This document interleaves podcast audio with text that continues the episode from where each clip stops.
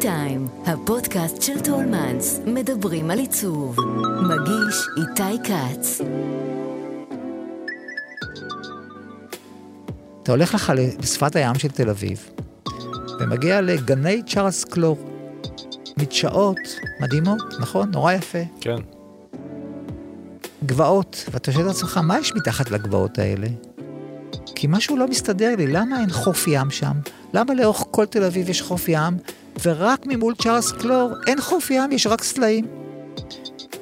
ואז אתה נכנס פנימה ואתה מגלה שאתה בעצם הולך על חורבות של עיר, שהייתה שם עד 48' ואחר כך בעצם, בעצם עד שנות ה-70. שלום, אני איתי כץ, ואתם על T-Time, הפודקאסט של טולמנס, שבו אנחנו פוגשים אדריכלים, מעצבים ויוצרים לשיחה מרתקת על עיצוב, אדריכלות, סגנון חיים ותרבות ישראלית. אחד הפרויקטים הכי ידועים בשדרות רוטשילד בתל אביב, מכמה בחינות, גם באדריכלות, יחסים בינלאומיים, היסטוריה ישראלית, אה, משהו שמשדר יוקרה אז והיום זה בית לוין, שהיה גם השגרירות של ברית המועצות בישראל בשנים אה, מסוימות, והארמון הזה מתנוסס על שער הספר של אמנון ברור, זמן שימור, אני חושב שלא במקרה, הוא גם נקודה משמעותית בקריירה שלו כאדריכל שימור מרכזי ובולט, וזה גם מקום מאוד משמעותי במפנה שאולי עבר על תל אביב כולה, בתקופה שהיא גילתה מחדש את האוצרות שלה. Uh, מאז uh, אמנון ברור הספיק לשמר מבנים בולטים לא רק בתל אביב, אלא בכל רחבי הארץ, גם בית אנגל uh, שקרוב לשם, בית ללוג'יה שקרוב לשם, ברחוב נחמני, אבל גם תוכניות שימור עירוניות, סקרי שימור והרבה כאלה. בשנים האחרונות יחד עם שותפו האדריכל טל גזית. שלום אמנון. שלום וברכה. כיף שבאת. כיף לי. אה, נגיד שנולדת בתל אביב. נכון. אה, למדת בפירנצה. נכון. אה, עיר שמזוהה מאוד עם אה, שימור. Mm-hmm. חזרת לצפת. כן. אה, ונדמה לי ששם למעשה התחלת מקצועית את עניין השימור בישראל, נכון? נכון, נכון. אני, כשחזרתי לארץ אחרי הלימודים, אה, ניסיתי לחפש עבודה בתחום שלמדתי אותו, של השימור. ורוב האנשים חשבו שאני מתעסק בשימורים של מלפפונים וזיתים, כי אף אחד לא הבין על מה אני מדבר. והיה, באותו רגע היה איזושהי הזדמנות אה, לסקרים של מבנים עתיקים בצפת. אמרתי, למה לא? ונסעתי לצפת, היה לי עוד זיכרון אה, מהתקופה שההורים שלי היו נוסעים לנופשים בצפת, אי שם בשנות ה-50 וה-60. ו... אה, נשארתי שם 12 שנה. הבת שלי נולדה שם, אה, וזו הייתה תקופה, תקופה בונה. שצפת גם הייתה מושבת אומנים, נכון? קצת לא, שונה היה. היא הייתה מושבת אומנים אה, לפניי, היא אוקיי. הייתה מושבת אומנה- אומנים בשנות ה-60, אני הגעתי לשם אה, בסוף שנות ה-70, מהמם. אבל היא עדיין לא הייתה חרדית כפי שהיא היום. היא הייתה עיירה קטנה ושכוחה עם הרבה מאוד אוצרות, ואהבתי אותה מאוד, אין ספק, זה היה תקופה מכוננת בחיי. בכלל נדמה לי ש... אה, לא יודע אם זה היה בתקופה הזאת, אתה אה, תוכל לתקן אותי, אבל ששימור, היו מהלכי שימור בישראל שהיו מהלכים מאוד גדולים, נגיד יפו העתיקה, הרובע היהודי, גם צפת. אה, היום אנחנו יותר ככה מכירים את השימור סביב מבנים, ככה נכון? נוגעים ככה בפינצטה, אז זה היה אז מין מכלולים יותר, לא? אה, אז ככה, לא, לא הרובע היהודי בירושלים, זה לא שימור, ולא יפו, זה לא שימור. לא שימור? ממש לא שימור. הרובע היהודי בירושלים, אני מזכיר לך, נבנה על חורבות של שכונה שנהרסה יום אחרי מלחמת ששת הימים, שכונת המוגרבים, והיא נבנתה מחדש, על פי, כולל הרחבה של הכותל שלו הייתה שם כמובן, וכל מיני אה, אה, המצאות מהסוג הזה בשביל לבנות, אה, בעיקר בשביל הנוכחות שלנו שם, הנוכחות הפוליטית. מהמם. אה, וביפו, גם ביפו, יפו נהרסה ב... אחרי 48 וגולחה כמעט לגמרי, והמעט שנשאר, בעצם הפכו את זה לקריאת אומנים עם אה, בנייה בסגנון, אבל לא ממש שימור. שימור הוא קודם כל מחקר, שימור הוא קודם כל ניסיון לתהות על הערכים שהיו למקום הזה, אם זה עיר, אם זה רובע, אם זה בית. ואלה לא דברים שנעשו לא ביפו ולא בירושלים. אז כשאני מסתובב ביפו העתיקה, אני לא מסתובב שם בין בתים מקוריים? אתה מסתובב בין בתים שחלקם מקוריים וחלקם חדשים כאילו מקוריים, רק שאתה בעין לא מקצועית לא יכול להבחין מה חדש ומה שכבר לא חדש, אתה יודע, זה כבר גם כן, כבר עברו הרבה מאוד שנים, אבל אותנטיות אין שם. זה לגמרי לא אותנטי. אז מה, מה הוביל אותך בעצם מצפת אל הדבר הבא? אה, קודם כל חזרתי הביתה, חזרתי לתל אביב, והאמת היא שלא האדריכלות הובילה אותי, הבת שלי הגיעה לגיל 6, וחשבתי שזה לא נכון להפקיד אותה בידי מערכת החינוך המקומית שם. וחשבתי על אה, תל אביב כמקום שייתן לה את היסודות הנכונים, לפי דעתי. ואכן כך היה, ועד היום אני לא מצטער על זה. הייתה כאן אה, בזמנו ניצה סמוק, שאתה מכיר כמובן. בוודאי. ושהיא דיברה על הילדות שלה בתל אביב, וכשהיא עשתה את סקר השימור, היא אמרה שהיא הייתה, אני לא זוכר את המילים המדויקות, אבל היא הייתה בתדהמה, איך היא לא ראתה בתור ילדה ובתור נערה וזה, את כל האוצרות של תל אביב, נכון. שהוזנחו כל כך הרבה שנים. נכון. היא הייתה עדה גם להריסה הגדולה של הדברים האלה בתל אביב, אז נכון. אתה גם היית עדה? בהחלט, אני קודם כל, אה, כדאי לזכור שלפחות בילדות שלי ובהתבגרות שלי, תל אביב הייתה העיר הכי מכוערת בארץ. עיר אפורה, עיר לא מעניינת, זאת אומרת, היה לה הרבה דברים אחרים מעניינים, אבל לא בארכיטקטורה. תמיד הסתכלו על ירושלים, אפילו נתניה נחשבה לעיר יפה, כל מיני מקומות שהיום אתה קצת מגחך. תל אביב ממש לא הייתה יפה, אלא ש... כמו תל אביב, ה branding שלה, המיתוג שלה, הוא זה מה שעבד. והניסיון אה, בעצם להוציא מהאפרוריות שלה ערכים מסוימים, לא את כל הערכים, ויש לי הרבה מאוד מה להגיד על, ה, על העיר הלבנה והעיר המולבנת בעצם, כי אתה יודע, ברגע שאתה מלבין משהו אחד, אתה משחיר משהו אחר. תמיד יש את הצד השני. והמיתוג של תל אביב, שהוא אה, מצוין לתל אביב, התיירים באים, אנחנו כולנו גאים במקום הזה, ואין ספק שיש במה. אבל באותו רגע גם השכחנו דברים אחרים, ו... וזה קצת בעייתי בעיניי. ולכן, אכן, צדקה ניצה, לא ראינו את האוצרות שיש, אבל עד היום אנחנו לא רואים את האוצרות שיש, כי הם לא במיתוג הנכון. כי מה, כי הם לא נמצאים בלוקיישן הנכון? כי הם תחשוב, בדרום העיר, תל אביב? תחשוב, אה, נווה שאנן, זה עיר לא פחות לבנה מכיכר דיזינגוף. Mm-hmm. יש שם אוסף נפלא של בתים, שהם לא היו לא בסקר, ולא ב... בעניין של אף אחד. ואני מצטער, זה קצת קשה לי כשאני מדבר על... כי עוד פעם אני חוזר ואומר... וכל זה נמצא במרחק של דקה הליכה מרוטשילד. כן? ברור, כן? אבל אל תשכח שבשנים ההם, גם כל רוטשילד לא יכולת ללכת לשם בערב, כי זה היה מקומות מאוד דחויים, mm-hmm. מאוד, אה, אפילו קצת מסוכנים, אף אחד לא רצה להסתובב שם. אה, יכולת להגיע ברוטשילד מהבימה עד שנקין, זהו. אחרי שנקין בערב לא הלכת לשם. משום שזה הכל היה או משרד, משרדים של עורכי דין, שהיו סוגרים בערב, ומקום עזוב לחלוטין. המהפכה שקרתה שם היא לא תיאמן, אין ספק. אבל זה בעיקר, אני חושב שהעירייה תרמה לזה בזה שהיא השאירה את הבנקים וגרמה לכך שאפשרה להם לבנות מגדלים, ובאותו זמן גם אפשרה את השימור. השילוב הזה, שהוא כל כך טיפוסי לתל אביב, של ישן עם חדש, זה מה שתרם להצלחה של האזור הזה, ובכלל גם כל עליית המחירים והכל. כן, אז uh, הזכרתי בהתחלה את... Uh...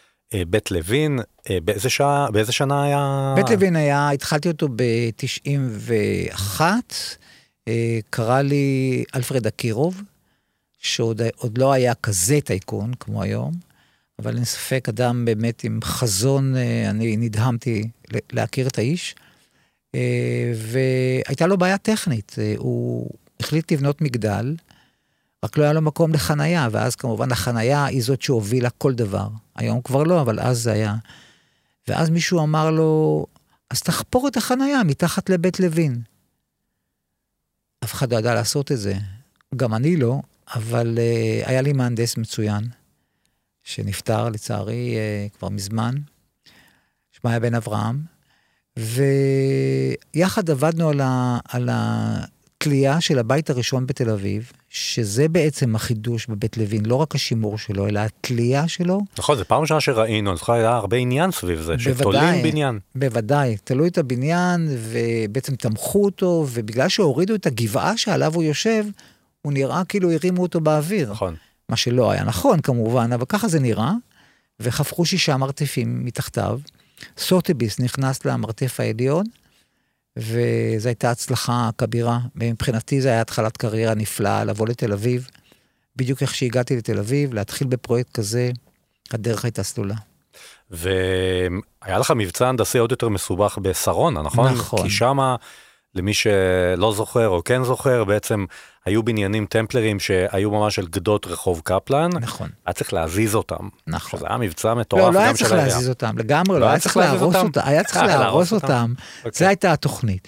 התוכנית הגדולה של, אה, אז היה מינהל מקרקעי ישראל, זאת לא היה רשות, מנהל, רשות מקרקעי ישראל, אה, שהשטח הוא שלה, המקום היה מושבה טמפלרית, אחר כך עבר להיות בסיס בריטי, אחר כך עבר להיות הקריה הממשלתית והצבאית של ישראל, ואז אה, כאשר, אה, אני קצת מרחיב ברשותך, כן, בטח. אה, כאשר רמת גן מבינה שיש לה את האיילון, והיא יכולה להקים שם את המגדלים באזור הבורסה, ולהפוך את הסיטי של תל אביב ברמת גן, וכל הארנונות ילכו לשם, תל אביב מבינה באותו רגע משהו שחשוב מאוד להבין אותו, אנחנו צריכים את המגדלים אצלנו.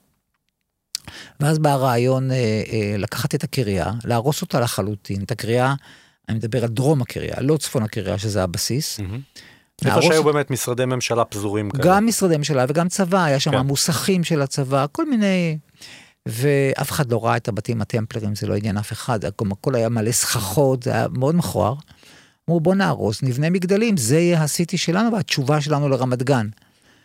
אבל אז אה, יחד עם המועצה לשימור אתרים ופעילים, הייתי בקרב הקשה אל מול עיריית תל אביב, מאוד קשה. אה, נפלו בו הרבה חללים, כי אנשים שאיבדו את המשרה שלהם בגלל שלא העירייה ולא המינהל הסכימו לשמוע בכלל על שימור. ובסופו של דבר ניצחנו. והניצחון לא בא בגלל שאנחנו כאלה מוכשרים, אלא פשוט הבאנו להם חוות דעת כלכליות. הסברנו להם שאם שרונה תישאר, אז המחיר של כל מטר מרובע במגדלים יעלה פי כמה וכמה, כי זה מה שהם רואים מהחלון, בעוד שהם יראו מגדל אחר, זה יהיה עוד אזור בנאלי שבו המחירים יישארו כמו ברמת גן.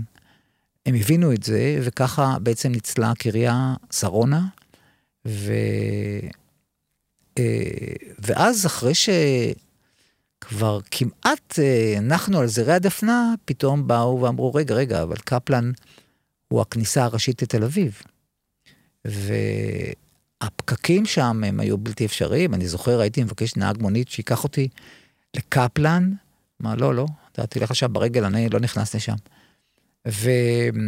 ושכנעו אותי. פה הייתי, נפרדתי מהמועצה לשימור אתרים, כי הם לא הסכימו. היה להם רעיון הרבה יותר טוב, רק לא כל כך ישים.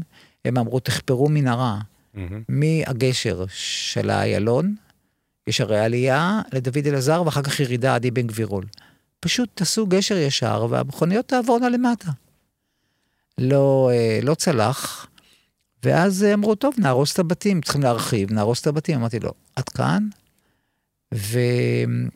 ודרשו ממני לפרק אותם ולהרכיב אותם מחדש, זה היה בלתי אפשרי, כי אם אתה מרכיב בית מחדש, אתה בעצם עושה בניין חדש, ובניין חדש, הבניינים לא, לא עומדים בשום סטנדרט. אז uh, אמרנו, אוקיי, אז נזיז אותם. חיפשנו חברה שיודעת לעשות את זה, והזזנו חמישה בניינים. הייתה בעיה, משום שלא כל הבניינים יכלו לזוז אחורה, כי אחורה היו איך בכלל הזיזו אותם? אז uh, הפקרנו את המרתפים שלהם, זה לא יכולנו להזיז, אבל מעל המרתפים יצקו uh, בעצם פלטה של בטון, ומתחת, את הפלטה הזאת הזיזו, במקרה היה עליה הבית, אבל הזיזו את הפלטות האלה על ידי זה שהניחו פסים כמו פסי רכבת, עם ג'קים מיוחדים שמרימים ונוסעים על הפסים, והכנו את המרתפים החדשים במקום החדש, אלא שאי אפשר היה להזיז אותם אחורה, לא את כולם, כי היו בתים אחרים, ולא רצינו להרוס עוד בתים טמפלרים, אז אחד הזזנו באלכסון, ואחד בכלל עבר רחוב, לרחוב אחר. זה היה מאוד, אה, מאוד דינמי העניין אם הזה. הטמפלרים היו חוזרים לשם, הם לא היו הם חזרו. מזהים את הבניין. קודם כל אני חייב להגיד לך, הם חזרו, הם כל הזמן בקשר, והם uh, מתפעלים מה עושים מהבניינים שלהם, ואת הגורל שבכלל הם לא האמינו שישמרו את הבניינים מה זה שלהם. הם? יש עוד טמפלרים? בוודאי, יש uh, קהילה עצומה וחזקה באוסטרליה. הם, uh, במלחמת העולם השנייה הם גורשו על ידי, הבר... הבריטים גירשו אותם אה, בגלל לאוסטרליה. הקשר שלהם לגרמנים. בוודאי, הם, יש לי תמונות של, אה, אתה יודע, צלבי קרס בתל אביב ובירושלים. אז הם היו שייכים, הם הצביעו למה שהיה בגרמניה, כן. ובגרמניה היה אה, מ-33, זה היה צלבי קרס, והיום כשאתה מסתכל על זה לא יאומן. הם חוזרים, רואים מה עושים עם הרכוש שלהם, ומלאים התפעלות. כמה מטר אגב הייתה ההזזה של הבתים האלה? 30 עד 40 מטר. זה מבצע מורכב גם ב... זה מבצע, בעולם, לא? זה לא עושים את זה הרבה. בעיקר יקר, Mhm. בעיקר יקר. כן, זה מבצע מורכב, משום שבעולם מזיזים בתים שהם בעצם או בתים שעשויים מבטון או מעץ. אז זה קופסה. כן. כשאתה מזיז בתים של טמפלרים שעשויים מאבן כורכר, שעוד לפני שהמציאו את הבטון, הכל פריך, הכל כן. מחול, זה היה מורכב, היה בעיקר לחזק את זה שכשזה זז, זה לא יקרה לזה כלום. בוא נדבר רגע על התוצאה. בסופו של דבר, אה, אתה אומר שהצלחתם לשכנע בחשיבות החלופה שלכם, אבל אה, האם התוצאה במבחן, כמה אנחנו שם, זה 10 או 15 שנה אחרי שה, שהמתחם הזה, כמה שנקרא מתחם שרונה יצא לדרך, 10 שנים, קצת יותר כזה? אפילו, כן. אה, אם אתה מרוצה מהתוצאה או שזה סוג של דיסנילנד, אתה יודע, מין אה, בתים פוחלציים כאלה ש... האם המקום הזה הפך באמת למקום בעיר או שזה סתם אה, צעצוע? אז ככה, אני... להגיד לך שאני מרוצה? לא, אני לא מרוצה, אבל לא בגלל המבצע ההנדסי ולא בגלל הארכיטקטורה. אני לא מרוצה משום שקרה שוב מה שקרה בתחנה, תחנת הרכבת, שגם שם עשינו את השימור. אלה שלקחו את זה לידיים שלהם וקיוו למשהו אחד ובעצם יצרו משהו אחר, אה, וזה מה שמאכזב אותי, משום שהבניינים שם ניתנו, המינהל נתן את זה ליזמים. שני יזמים, שמנהלים את, ה, את כל שרונה, על פי ראות עינם. ומי שיכול לחיות שם זה לא חנויות, רוב החנויות נסגרו שם כי הן לא מסוגלות לשלם את שכר הדירה שהיזמים דורשים מהם. אז או כמה מסעדות ממותגות מאוד, או מוסדות שהם סגורים בפני הקהל. יש לטכנ... לטכניון, יש שם ארבעה מבנים. נורא נחמד, אבל זה לא פתוח לקהל. זאת אומרת, זאת האכזבה הגדולה שלי. אני הולך לשם עם קבוצות של תלמידים, ואני מנסה לה, להיכנס לבתים, להראות להם את, ה, את הערכים של הבתים האלה באמת, ואני לא יכול להיכנס, משום שזה בתים סגורים, זה לא... למסעדות אני עוד מסוגל להיכנס. גם בקושי, אתה יודע, יש את המנהרה הטמפלרית, שהיא בהחלט שווה ביקור, אבל אתה נכנס במטבח של מסעדה אחת ויוצא בשטיפת כלים של מסעדה שנייה.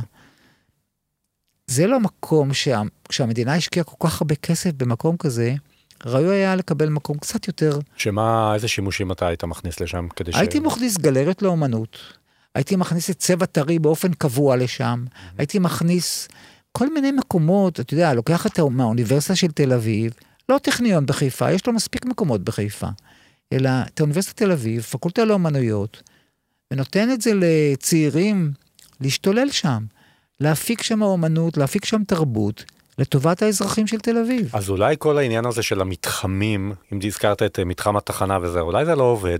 כאילו הר- הרעיון הזה לברוא גבולות מדומיינים של מקום, וזה לא נכון. מתחבר לרקמה. לגמרי. מתחמים זה המצאה של uh, התכנון בתל אביב, ולא רק בתל אביב, התכנון, ה- בוא נגיד, הניאו-ליברלי, מהמם. שבו העירייה כגוף ציבורי מורידה מעליה את האחריות לניהול של זה, לתחזוקה של זה, שזה הדברים המשעממים והקשים, כמו הנמל בתל אביב, כמו נכון. הנמל ביפו. זה אלה המתחמים האלה שלוקחים אזורים היסטוריים, הרבה רעש, הרבה branding, אבל בסופו של דבר, זה מתחם שהמנהלים שלו עושים בדיוק מה שהם רוצים ולא מה שהציבור רוצה.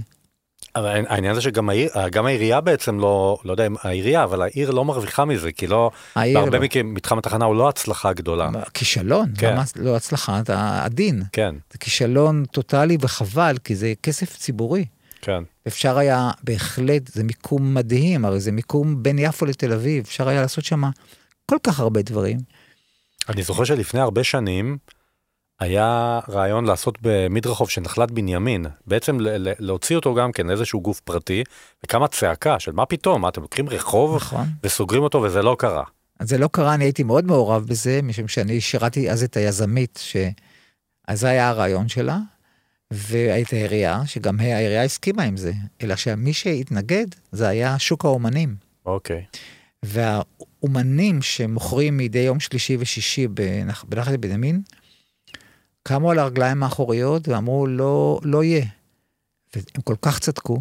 היום, בדיעבד, אני יודע שהם צדקו ב-100 אחוז, כי גם היינו, מקבל, היינו מקבלים עוד מתחם סגור מהמם. לקהל, עוד gated community כזה, בדיוק. שבו אין, מי שאין לו את הכסף לא יכול להיכנס, וזה בעצם נכסים של העיר, זה נכסים של כולנו. אה, אני רוצה לשאול אותך כבאמת שחקן אה, מרכזי בתחום השימור, אה, כשאתה מסתכל, באמת זה אנחנו כבר כמה? 30 שנה בתוך ה... בתוך, הש... בתוך השימור, פחות או יותר, יותר, מאז יותר, ש... יותר, יותר. תוכנית השימור התחילה בשנות ה-80. בתוך ה-80, אבל בוא נגיד שככה משנות ה-90 זה קיבל ככה את נכון. התאוצה. מה אתה חושב על התהליך כולו במבחן הזמן? התהליך... אה, הנחה. אתה, לא, כן, הנחה כבדה, כי זה לא פשוט. זה לא פשוט, אה, אתה יודע, אתה מתחיל משהו עם... אם אתה בדור של המייסדים, אז יש לך חזון. יש לך איזה חלום. הוא זה, האנרגיות שמובילות אותך. והחיים יש להם את הדרך שלהם, שהיא אחרת לגמרי בדרך כלל. וצריך הרבה, באמת, הרבה נשימה בשביל לדעת לקבל את מה שקרה. ואני חושב ש... אה, אנחנו, אה, קצת אה, עלה לנו לראש הנושא הזה של השימור, למרות שאני מתפרנס ממנו מצוין. ניסינו לחטוף מרובה, ובעצם אנחנו תופסים מועט. ואני אסביר למה. זה שלתל אביב יש אלפי בניינים לשימור, נורא נחמד. אבל אין מנגנון שיטפל בזה, והרבה יותר גרוע מזה, אין מנגנון שיתחזק את זה. כי כשהמדינה אמרה, עכשיו יש חוק שימור, בעצם חוק התכנון והבנייה, והכניסו את התקנות של השימור. היא לא אמרה, אני לוקחת את זה על עצמי, כמו בארצות הברית, כמו בהרבה מאוד ארצות באירופה, שבו או שהמדינה מממנת את השימור, או שהיא מכירה את זה לצורכי מס למשל, אם זה בניין פרטי. לא. אמרה, שימור חובה, העיריות יטפלו בזה. גם העיריות, למרות שעיריית תל אביב היא עירייה מאוד עשירה, עדיין היא לא, היא לא מממנת את זה. מממנת את האדמיניסטרציה, והיא לא מממנת את השימור עצמו, והיא בטח לא מממנת את התחזוקה של הבניינים. הרי אם הייתה תחזוקה לבניינים האלה, לי לא הייתה עבודה. משום שהבתים האלה היו נראים טוב. זה שהתחלנו את השיחה שלנו, בזה שתל אביב הייתה מכוערת, כי היא לא הייתה מתוחזקת, היא הייתה אפורה. ואני, קשה לי מאוד להגיד שהיום, אחרי כל כך הרבה שנים, אנחנו עדיין לא יודעים לתחזק. ומה שקרה, שכשהעירייה רצתה לצ'פר את היזמים ולתמרץ אותם, היא נתנה להם זכויות בנייה. ראה את כל המגדלים ברוטשילד. עכשיו, בניין קיבל מגדל, יזם קיבל מגדל, ו... והשגרירות הרוסית, אה, בית לוין, זה לא הדוגמה הטובה, תראה את האחרים. קיבל את הבניין לשימור, גמר אותו, קיבל חתימה, קיבל מגדל, תוך שנייה מכר את הבניין. הוא מכר אותו לאנשים שאין להם שום עניין עם זה, זה רק נדל"ן. עכשיו, אני שואל, הבניינים כבר סדוקים, מפורקים, למרות שרק לפני 20 שנה שימרנו אותם, או 10 שנים. עכשיו תיתנו להם עוד מגדל בשביל שיטפלו בזה? זאת השיטה? מהמם. יש פה משהו בסיסי שלא הצליח לקרות. ואנחנו כולנו הולכים ומסתכלים לצד השני ואומרים, אנחנו יודעים שיש פה פיל בחדר, רק אף אחד לא מדבר עליו. אז אני פחות מתלהב מהשימור, מה שקרה מש... עם השימור, משום שאני מסתכל על זה לטווח ארוך. הרבה שנים אה, חייתי באיטליה, אני עד היום מלמד שם, אני נוסע לאוניברסיטת ונציה ומלמד שם. אני רואה את המנגנון שמתחזק את הבתים, את המנגנון שגורם להם לחיות, אפרופו, הביאנלה שהתחיל עכשיו, כן. זה, אלה דברים שאתה צריך לחשוב לטווח ארוך.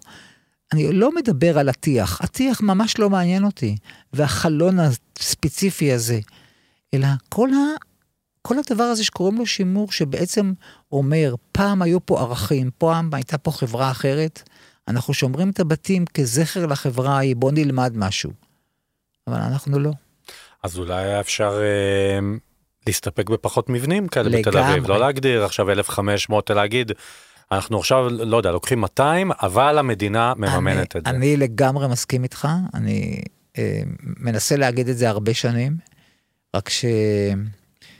אתה יודע, אין כל כך הרבה אנשים שמסכימים איתי, כי עוד פעם, תפסת מרובה. כן. אה, כן, אנחנו... אני בעצמי עשיתי תוכנית להרצליה. עכשיו הרצליה היא הייתה מושבה, שנות ה-20, ככה... נכון, היום היא מבוססת, אבל היא בעצם אה, התחילה כמושבה. 60, 65 בניינים. זה הכל. בכדי שהעיר באמת תוכל לטפל בזה. יבואו יזמים, ירצו לשמר עוד בניינים, בסדר. אבל זה יבוא עם החיים. אני לא ישר מפיל אלפיים בניינים לתל אביב ואומר, יאללה, כולם מיועדים לשימור, יש מלא עבודה. כן. זה לא, זה לא הפטנט.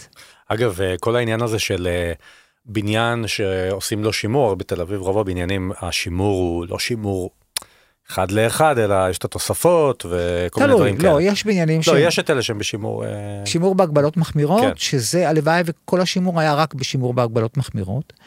כי מה שקורה, התוספות האלה, אני בטוח שניצה אמרה לך את זה, ואני מסכים איתה במאה אחוז, יוצר עיר מעל עיר. ש- מין עוגת שכבות כאלה, ובעוד דור זה יהיה עוד שכבה, ואחר כך עוד שכבה. זאת אומרת, אז בשביל מה אנחנו משמרים? מה, מה הטעם לשמר כשבעצם כל התוספות האלה? תגדירו את זה, אל תגדירו את זה שימור, תגדירו את זה בתים מיוחדים שיכולים לקבל כל מיני דברים אחרים, אבל שימור, תשמרו על הדברים כמו שצריך, במספר נורמלי, שפוי, שאפשר באמת לקחת על זה אחריות. אבל תגיד, יש משהו, אה, ד- דיברנו לפני רגע שאולי היה צריך להסתפק בפחות ולא ביותר, אבל יש, מן הסתם לא תגיד שאיזשהו בניין שעשית לו שימור, היית אומר, טוב יאללה, הייתם הורסים אותו. ברור שלא. יש עוד דבר אחד שסותר את הדברים שלי. אונסקו, כשהכריזה על אה, תל אביב עיר מורשת עולמית, היא לא הכריזה על זה בגלל שיש איזה בניין מיוחד כזה או אחר. בגלל האנסמבל של הבתים, היחד של המאות בתים, אלפי בתים, שכולם נבנו באותה תקופה, באותו סגנון. זה הייחוד של תל אביב. אבל תל אביב לא מסוגלת להיות מוזיאון. תל אביב היא עיר חיה, עיר מודרנית, זה לא פירנצה, זה לא ונציה. בוונציה לא בונים כלום, בפירנצה לא בונים שום דבר. אז אין בעיה. פה בתל אביב יש כל הזמן עלייה של האוכלוסייה, עוד אוכלוסייה, עוד אוכלוסייה. ואתה חייב לספק את, ה, את הצרכים. אז יכול להיות שאפשר היה לה- להסתפק בכמה נציגים של אותו אוסף בניינים, ולא להכריז על אלפיים ומשהו בניינים. תגיד, יש איזשהו אחד או שניים מהבניינים ש, ששימרת שהם ככה קרובים ללבך באופן אה, מיוחד? היה משהו בשימור שם ש... תראה, כולם. אני חייב להגיד, באמת כולם. אני פשוט אולי אתייחס לבניינים האחרונים ש, ששימרתי, מהמם. שזה אמ, יותר קרוב לי, אתה יודע, הזיכרונות יותר. אז קודם כל באמת אה, בית חרושת לוג'יה, שהיה לי מאוד מאוד קרוב, ואפילו נסעתי לעיר לודג' בשביל להבין את התופעה, כי גם ההורים שלי מלודג'. אז היה לי מאוד חשוב להתקשר עם הדבר הזה, והפכנו בית חרושת שנבנה בשנות ה-20, שהוזנח בשנות ה-30, כי כבר אי אפשר היה לעשות שם בית חרושת, הוא עבר לחולון, והפכנו אותו לבית מגורים. וזה היה מרתק, כי עבדנו עם יזם מרתק. אה, בניין שסיימנו לאחרונה זה תיאטרון הפועלים, תיאטרון האוהל, מאחורי כיכר דיזנגוף. שהוא עכשיו מלון, נכון? שעכשיו הוא מלון, אה, באמת עשוי מאוד, אה, העיצוב הפנים, לא אנחנו, אבל אה, בהחלט אה, גם משמר את האיכויות שלו, וגם אה, אנשים לומדים על התיאטרון הישראלי, היהודי, דרך כניסה למלון. ובניין מגורים מאותה עיר לבנה בגינה חמודה בשם גינת רות, שהיא מהגינות של גדס, התוכנית כן. מתאר של גדס, שיצר אה, בלוקים עירוניים, ובאמצע כל בלוק גינה. וגם של אדריכל מאוד יוצא דופן. אוסקר קאופמן. אוסקר קאופמן, שלא כמו, כמובן, קאופמן הגדול, זה לא הוא. כן. לא ריכרד קאופמן, אלא אוסקר קאופמן, הוא, הביאו אותו לכאן בשביל לבנות את הבימה. אבל אחת משחקניות הבימה משכה אותו אליה בכדי שיבנה לה את הבית, והוא בונה, בונה בית אה, בסגנון הבינלאומי, אבל בית שכל הסממנים של תיאטרון נמצאים בו. וזה מרתק, כי זה לכאורה נגד כל התיאוריות של הבאו-האוס ושל קישוטים זה פשע ותעשה רק את הפונקציונלי. ממש לא נכון, כי הבית הזה הוא בעצם בית מגורים של שש דירות, עם uh, כל האלמנטים של תיאטרון, עם הגזוסטראות האלה והבמה וכל מה שאתה רוצה. גם עלייה מאוד uh, בולטת, ברור, ככה עם שני גרמי תיאט... מדרגות uh, סימטריים. תיאטרלי כן. לגמרי, וגם סימטרי, מה שבדרך כלל כן. בבנייה הזאת אין סימט, אין סימט. כך שאלה הבניינים האחרונים, ש... אה, ובניין שאני מאוד גאה בו, זה בניין בשדרות ירושלים. בחלק, ה, כמובן, בעיר הערבית של יפו, בניין שנבנה אה, משפחת זיפטה, שהיא הייתה מעשירי יפו, היה להם אה, פרדסים, והוא נאלץ לעזוב ב-48, לא חזר. הבית היה בידיים של הצבא, והמדינה השאירה אותו בידיה, והפכנו אותו לבית הדין השרעי, בית הדין המוסלמי. יושב שם הקאדי, ושופט שם את התושבים של יפו, ואני נכנס לראות ואני שואל אותם, איך אתם מרגישים בתוך הבית הזה? ואני חייב להגיד, אני מקבל תגובות כאלה חיוביות מה, דווקא מהאנשים שבאים להישפט, ואתה חושב על עצמך, אתה מראיין אנשים שעומדים לפני משפט, הם לא בדיוק האנשים שהכי קומוניקטיביים כן. והכי ידברו איתך על ארכיטקטורה. לא, זה מדבר אליהם. משום שיש שם, שימרנו ושחזרנו הרבה מאוד אלמנטים של ציורי הקיר וכל ה, הכותרות והעמודים. בהחלט אה, אני מאוד ממליץ לעבור לשם ולראות אותו, כי הוא באמת משהו ייחודי. אני מאוד התפעלתי מזה שמשרד המשפטים אה, השקיע בשימור של בניין כן. אה, כבית משפט. אה, אתה משתמש בביטוי אה, מרחבי מבוכה. אה, באיזשהו הקשר למקום שבו אנחנו חיים באופן אה, כללי. אז בוא תסביר, מה זה מרחב מבוכה? טוב, אז מרחב מבוכה זה קצת המצאה שהמצאתי אותה, לא מצאתי אותה באף מקום. אה, אחרי כל כך הרבה שנים שאני מלמד שימור, בעצם נתקלתי בתופעה של מקומות שאני לא יכול להסביר אותם. ואם אני לא יכול להסביר אותם, אני לא יכול לשמר אותם. ואז הסתבר לי שזה מקומות שחוו טראומות, שאנשים שחיו שם היו להם טראומות, בדרך כלל טראומות של מלחמות, או פיגועים, או כל מיני דברים כאלה. ואז כשאתה בא לשמר את הבניין, עוד פעם, אם אתה לא מתעסק רק בטיח, אתה אומר, מה הם הערכים של הבניין הזה, פתאום אתה מבין שיש שם הרבה דברים מעבר להבנה שלי כאדריכל. למזלי ושמחתי, יש לי חבר שהוא פסיכואנליטיקאי, גבי בונביץ', שהוא אה, גם עשה סרט על אה, חיילים פוסט-טראומטיים, כשעוד לפני שזה היה כל כך אה, אופנתי. וביקשתי ממנו לבוא לכיתה ולסטודיו שלי באוניברסיטה, שייתן איזושהי הקדמה על מצבים אה, טראומטיים ופוסט-טראומטיים. ופתאום אנחנו מגלים שבעצם כמעט בכל המדינה יש אזורים שהאנשים שחיו בהם אה, סבלו בטראומות, וטראומות כפולות ומכופלות. תכף אני אסביר על מה אני מדבר. ואז בעצם זה נותן לי להבין את המרחב. בשביל להבין מרחב, עכשיו אני אבוא לדוגמאות. אתה הולך לך בשפת הים של תל אביב, ומגיע לגני צ'ארלס קלור. מדשאות מדהימות, נכון? נורא יפה. כן. גבעות, ואתה שואל את עצמך, מה יש מתחת לגבעות האלה? כי משהו לא מסתדר לי, למה אין חוף ים שם? למה לאורך כל תל אביב יש חוף ים, ורק ממול צ'ארלס קלור אין חוף ים, יש רק סלעים? ואז אתה נכנס פנימה ואתה מגלה שאתה בעצם הולך על חורבות של עיר, שהייתה שם עד 48' ואחר כך בעצם, בעצם עד שנות ה-70, שנהרסה. הטראומות שאנשים חוו שם פעם אחת, הערבים שנאלצו לעזוב את הבתים שלהם, ואחר כך היהודים, העולים החדשים ששמו אותם שם, גם הם נאלצו לעזוב, כי הייתה איזשהו תכנון לסיטי. אבל חשבתי, אתה יודע, מקום אחד, ואז הלכתי וראיתי שבעיר העתיקה ביפו קורה את אותו דבר. ובטבריה, בעיר העתיקה, קורה בדיוק אותו דבר. וב... ואז יצאתי החוצה וראיתי במקומות אחרים בעולם. בווילנה למשל, הרוב היהודי נמחק ויש שם חורשות. אז אתה אומר, רגע, רגע, הכיסוי הירוק הזה, הגרין ווש הזה, מכסה על משהו. ואז אני נכנס למבוכה. והשם מצאתי בכלל מהרמח"ל, שהוא אה, אה, איש אה, יהודי מאוד מפורסם מהמאה ה-18, שכתב אה, מורה נבוכים, mm-hmm. והוא היה מסתובב במבוכים של האצולה של האזור שהוא גר בה באיטליה. והוא טען שלצאת מהמבוך אתה צריך כוחות נפש כאלה ואמונה שיאפשרו לך לצאת מהמבוך. זה ממש התאים לי לתחושה שהייתה לי, שיש לי עד היום במקומות האלה. ומסתבר, אתה יודע, אני נותן לסטודנטים תרגיל, אלה שבאים אליי, אלה שמוכנים בכלל להתמודד עם זה, אני אומר להם, תחפשו מרחב מבוכה ליד הבית שלכם, אל תלכו רחוק.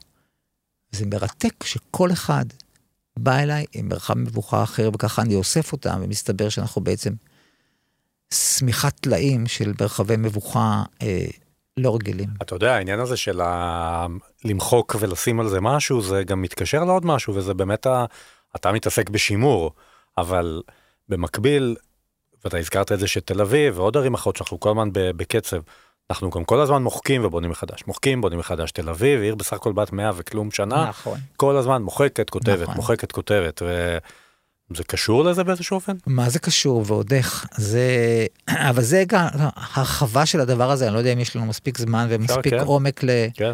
ל... לדבר על זה, אבל uh, אני טוען שזה טראומה אחרת, שאנחנו סוחבים איתנו מאז חורבן בית המקדש. שאנחנו בעצם, ה... ה... המיתוס המכונן שלנו זה חורבן, חורבן וגלות. ועד היום, למרות שהקמנו את מדינת ישראל, למרות שהתגשם בעצם אחרית הימים, וימות משיח הגיעו, והקמנו את המדינה הזאת, mm-hmm. לא הקמנו את בית המקדש השלישי. החורבן הוא עדיין אצלנו. לא שאני רוצה חס וחלילה ל- לרמוז אפילו ל- ל- לשנייה אחת שאני בעד הדבר הזה, אבל אני מזהה את הדבר הזה כאיזשהו, אתה יודע, פרויד אמר שאם אתה לא מטפל בטראומה, היא נועדה לשחזר את עצמה שוב ושוב ושוב. זה ה-repetition compulsion. Mm-hmm. למדתי טוב מאוד את השיעור הזה. וזה מה שאנחנו עושים. גם תמ"א 38 היא בעצם ברירת המחדל הראשונה שלנו, קודם כל נהרוס. קודם כל נהרוס. ואז אתה רואה את הטיפול כמעט בכל דבר. אם נחזור רגע למנשיה, mm-hmm. במנשיה היה דולפינריום. בניין, באמת, אחד הבניינים המעניינים ביותר שהיו בתל אביב. לא בגלל הדולפין. אך גם המוזנחים. אתה מכיר אותו מהתקופה המוזנחת, אני מכיר אותו מהתקופת השיא שלו. אוקיי. Okay. היא הייתה קצרה, כי הרעיון של דולפינים באמת הזוי. נכון. אבל אפשר היה לקחת אותו ולעשות ממנו מבנה ציבור מרתק. בתי קפה, תיאטראות, על הים. מה עשינו? בגלל טראומה שהייתה שם, כמובן ראוי להזכיר אותה, אותו רצח נתעב של המחבלים שרצחו את, ה, את החבר'ה הצעירים שבאו לרקוד שם בדיסקוטק, בעצם הדרך שלנו לטפל בטראומה זה להרוס את הבניין. ומה אנחנו עושים היום? בונים בניין אחר במקומו. אז אתה אומר, משהו פה לא תקין, מה, יש פה משהו שאם אני לא אבין אותו, ואין לי אמצעים כאדריכל להבין אותו, האמצעים היחידים שיש לי זה דרך הפסיכואנליזה. זה המקום היחידי שאני יכול להבין מה קורה פה במרחב. זה מעניין לשמוע את זה ממך, כי שימור תמיד מתקשר אל, אצלי כ... אתה יודע, מלאכה נורא ענינת טעם, אתה באמת לוקח דברים, אתה מקלף באמת השכבות, ואתה אתה בונה, באמת, אתה... בואו קבלו את התכשיט שלכם כן. בחזרה.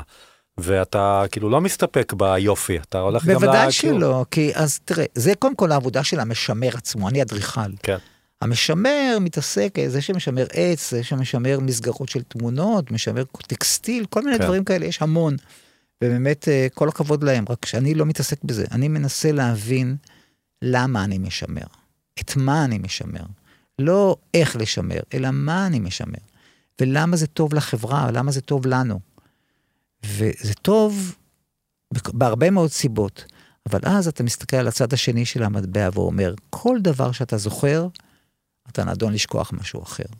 בוא נסתכל רגע על מה אנחנו שוכחים, על מה אנחנו לא רוצים לראות מול העיניים. וזה קורה עוד ועוד ועוד, ולצערי החברה שלנו בנויה מהרבה מאוד השכחות כאלה, מהרבה מאוד... אה, גם בחיפה יש את זה, נכון? אתה חוקר את הנעשה בחיפה התחתית ומגלה חיפה, שם דברים... אה, חיפה התחתית היא, היא אוצר שעדיין לא התגלה. לצערי, לנו התל אביבים לפחות. בטח החיפאים יכעסו עליי, אבל בוודאי. חיפה, דיברנו על ניצה, אם חיפה הייתה יודעת לעשות את הסקרים האלה כשעשו בתל אביב, הייתה מגלה הרבה יותר בנייה בינלאומית בחיפה מה שיש בתל אביב. חיפה היא אוצר אחד גדול של אדריכלות. אבל היא פחות יודעת למתג את הדברים שלה. ובחיפה תחתית אה, באמת קרו שם כל מיני דברים מאוד מוזרים ומאוד קשים, בטח לאוכלוסייה המקומית. אחרי 48, העיר בעצם כמעט כולה, כל העיר התחתית בעצם הוחרבה ונהרסה על ידי ממשלת ישראל ועל עיריית חיפה. וכשאתה בא לראות, אז קודם כל, כשאני הולך למקומות כאלה, אני מחפש את הדשא. אני אומר, איפה, איפה שיש דשא, ברור לי לגמרי שיש משהו שרוצים להסתיר. פתאום אני מגיע בוואדי סאליב, אני רואה חתיכת דשא, אני אומר, יופי. ואז אני רואה את כל הבתים האלה מסביב, בתים מדהימים, יפהפיים, כולם אטומים בבטון, ועל כולם שלט מקרמיקה, בניין לשימור. אתה אומר, מה זה? מה זה הדבר הזה? זה בדיוק, ואין לי דרך לטפל בזה, אין לי דרך להבין את זה בכלל, אם אני לא נעזר בכלים של הנפש. אבל אתה מוצא גם בחיפה דברים מפתיעים בהיבט של אה, בנייה יהודית שהייתה שם, נכון? לא רק ערבית, לא, אני מדבר על העיר התחתית. בוודאי, קודם כל, ב, אה, זה, זה יהיה הנושא שלי בכנס השימור הבא, ארדל יהוד. ארדל יהוד הוא... אה, בחיפה לא היו יהודים במאה ה-18. עד, ה... עד אה, דאר אל-עומר, שחידש את חיפה, ובעצם מה שאנחנו קוראים עיר עתיקה, בערבית קוראים לזה חיפה ג'דידה, זו חיפה חדשה. חדשה. שהיא בעצם חיפה של דאר אל-עומר, וכמו בטבריה הוא מביא לשם יהודים. יהודים מגיעים לחיפה ומתחילים להתפתח בחיפה, ואז יש יציאה מהחומות. המוסלמים יוצאים לכיוון אחד, הנוצרים לכיוון אחד, והיהודים מקימים את ארד אל יהוד, אדמות היהודים, שקראו להם, לא פחות ולא יותר, הדר הכרמל. אלא שכנראה הקרבה לערבים, וכנראה אה, העליות החדשות שהגיעו, הם עולים לכרמל ומקימים את הדר הכרמל, אה, איפה שאנחנו מכירים אותו היום. וארד אל יהוד הפך להיות אה, מוזנח, אה, רובו הרוס, וכשאתה מרים את העיניים למעלה, אתה רואה אוטוסטרדות על עמודי בטון. אלוהים ישמור, איזה, מה, איך לא שמרנו על המקום הזה שהוא... ויש מה להציל שם או שזה כבר ידענו? תמיד יש מה להציל. תמיד יש מה להציל. גם בתוך המקום הכי חרב, אני מאמין שאפשר אה, לשלוף עבור הזיכרון האנושי שלנו וההיסטורי, תמיד אפשר לשלוף משהו שיזכיר לנו, אולי זה לא יהיה כל כך יפה כמו שדרות רוטשילד בתל אביב, אולי זה לא יהיה כל כך יפה כמו בניין הטכניון הישן, אבל זה בהחלט יהיה משהו שקשור לעבר שלנו, קשור, הרי כל הזמן, מה יהיה בדור הבא, מה קושר אותו למקום הזה? כולם ייסעו לברלין? אני חושב שיש לנו פה המון שורשים שאנחנו צריכים להראות אותם ולהחצין אותם. ואם לא נעשה את זה, אנחנו כולנו ניפגש בברלין כנראה. תגיד, יש לך דוגמה לשימור טוב שנעשה בישראל, לא על ידיך, על ידי, על ידי אה, קולגה? בוודאי, יש לי הרבה מאוד. יש לי קודם כל הרבה מאוד, קודם כל הקולגות דיברנו על ניסה סמורק, עושה עבודות מדהימות, ויש לי רק קומפלימנטים לתת לה. אה, אבל גם אה, הרבה מאוד, אה, בגלל שאני מלמד הרבה מאוד שנים, 25 שנה שאני מלמד שימור, אז אתה יכול לתאר לעצמך שהרבה מאוד מאנשי השימור היו תלמידים שלי. הם גם קונקורנטים שלי, אבל הם היו תלמידים שלי.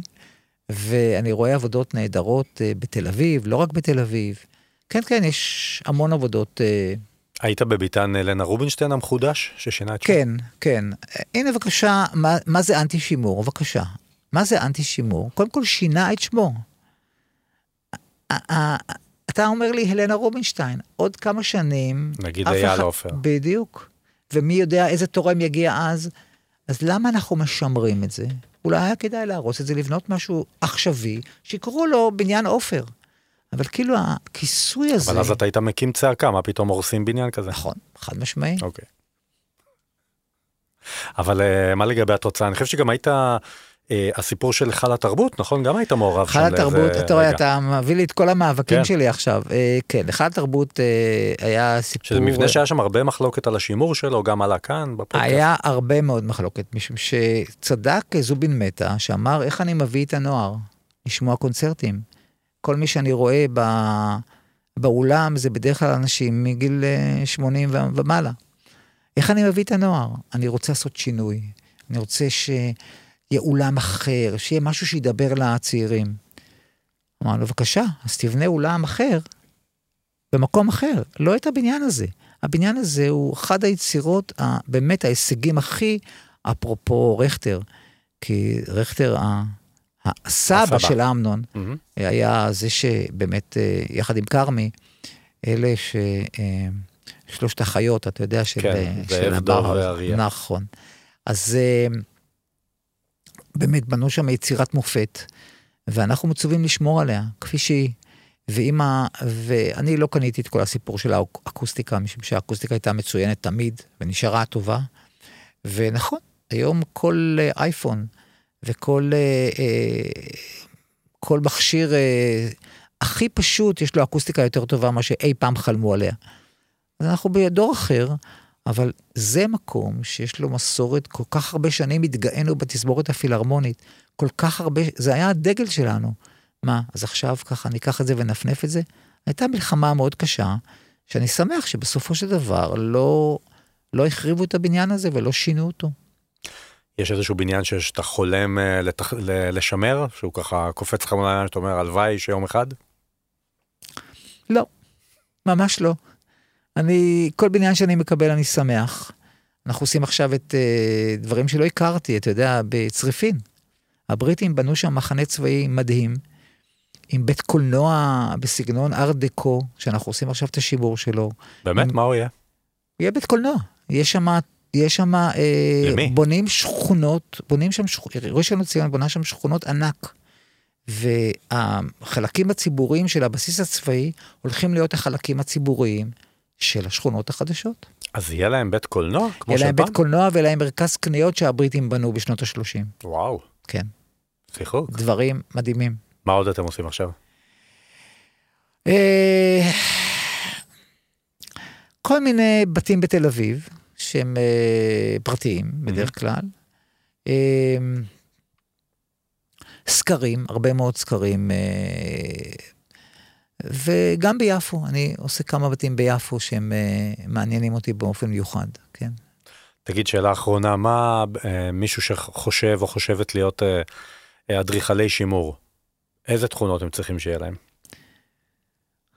הרבה אהבה למקצוע הזה, שהוא גם קשור להיסטוריה, הוא גם קשור לקשב, לרוחות אחרות, לא רק מה שאתה חושב, וכמובן לאדריכלות,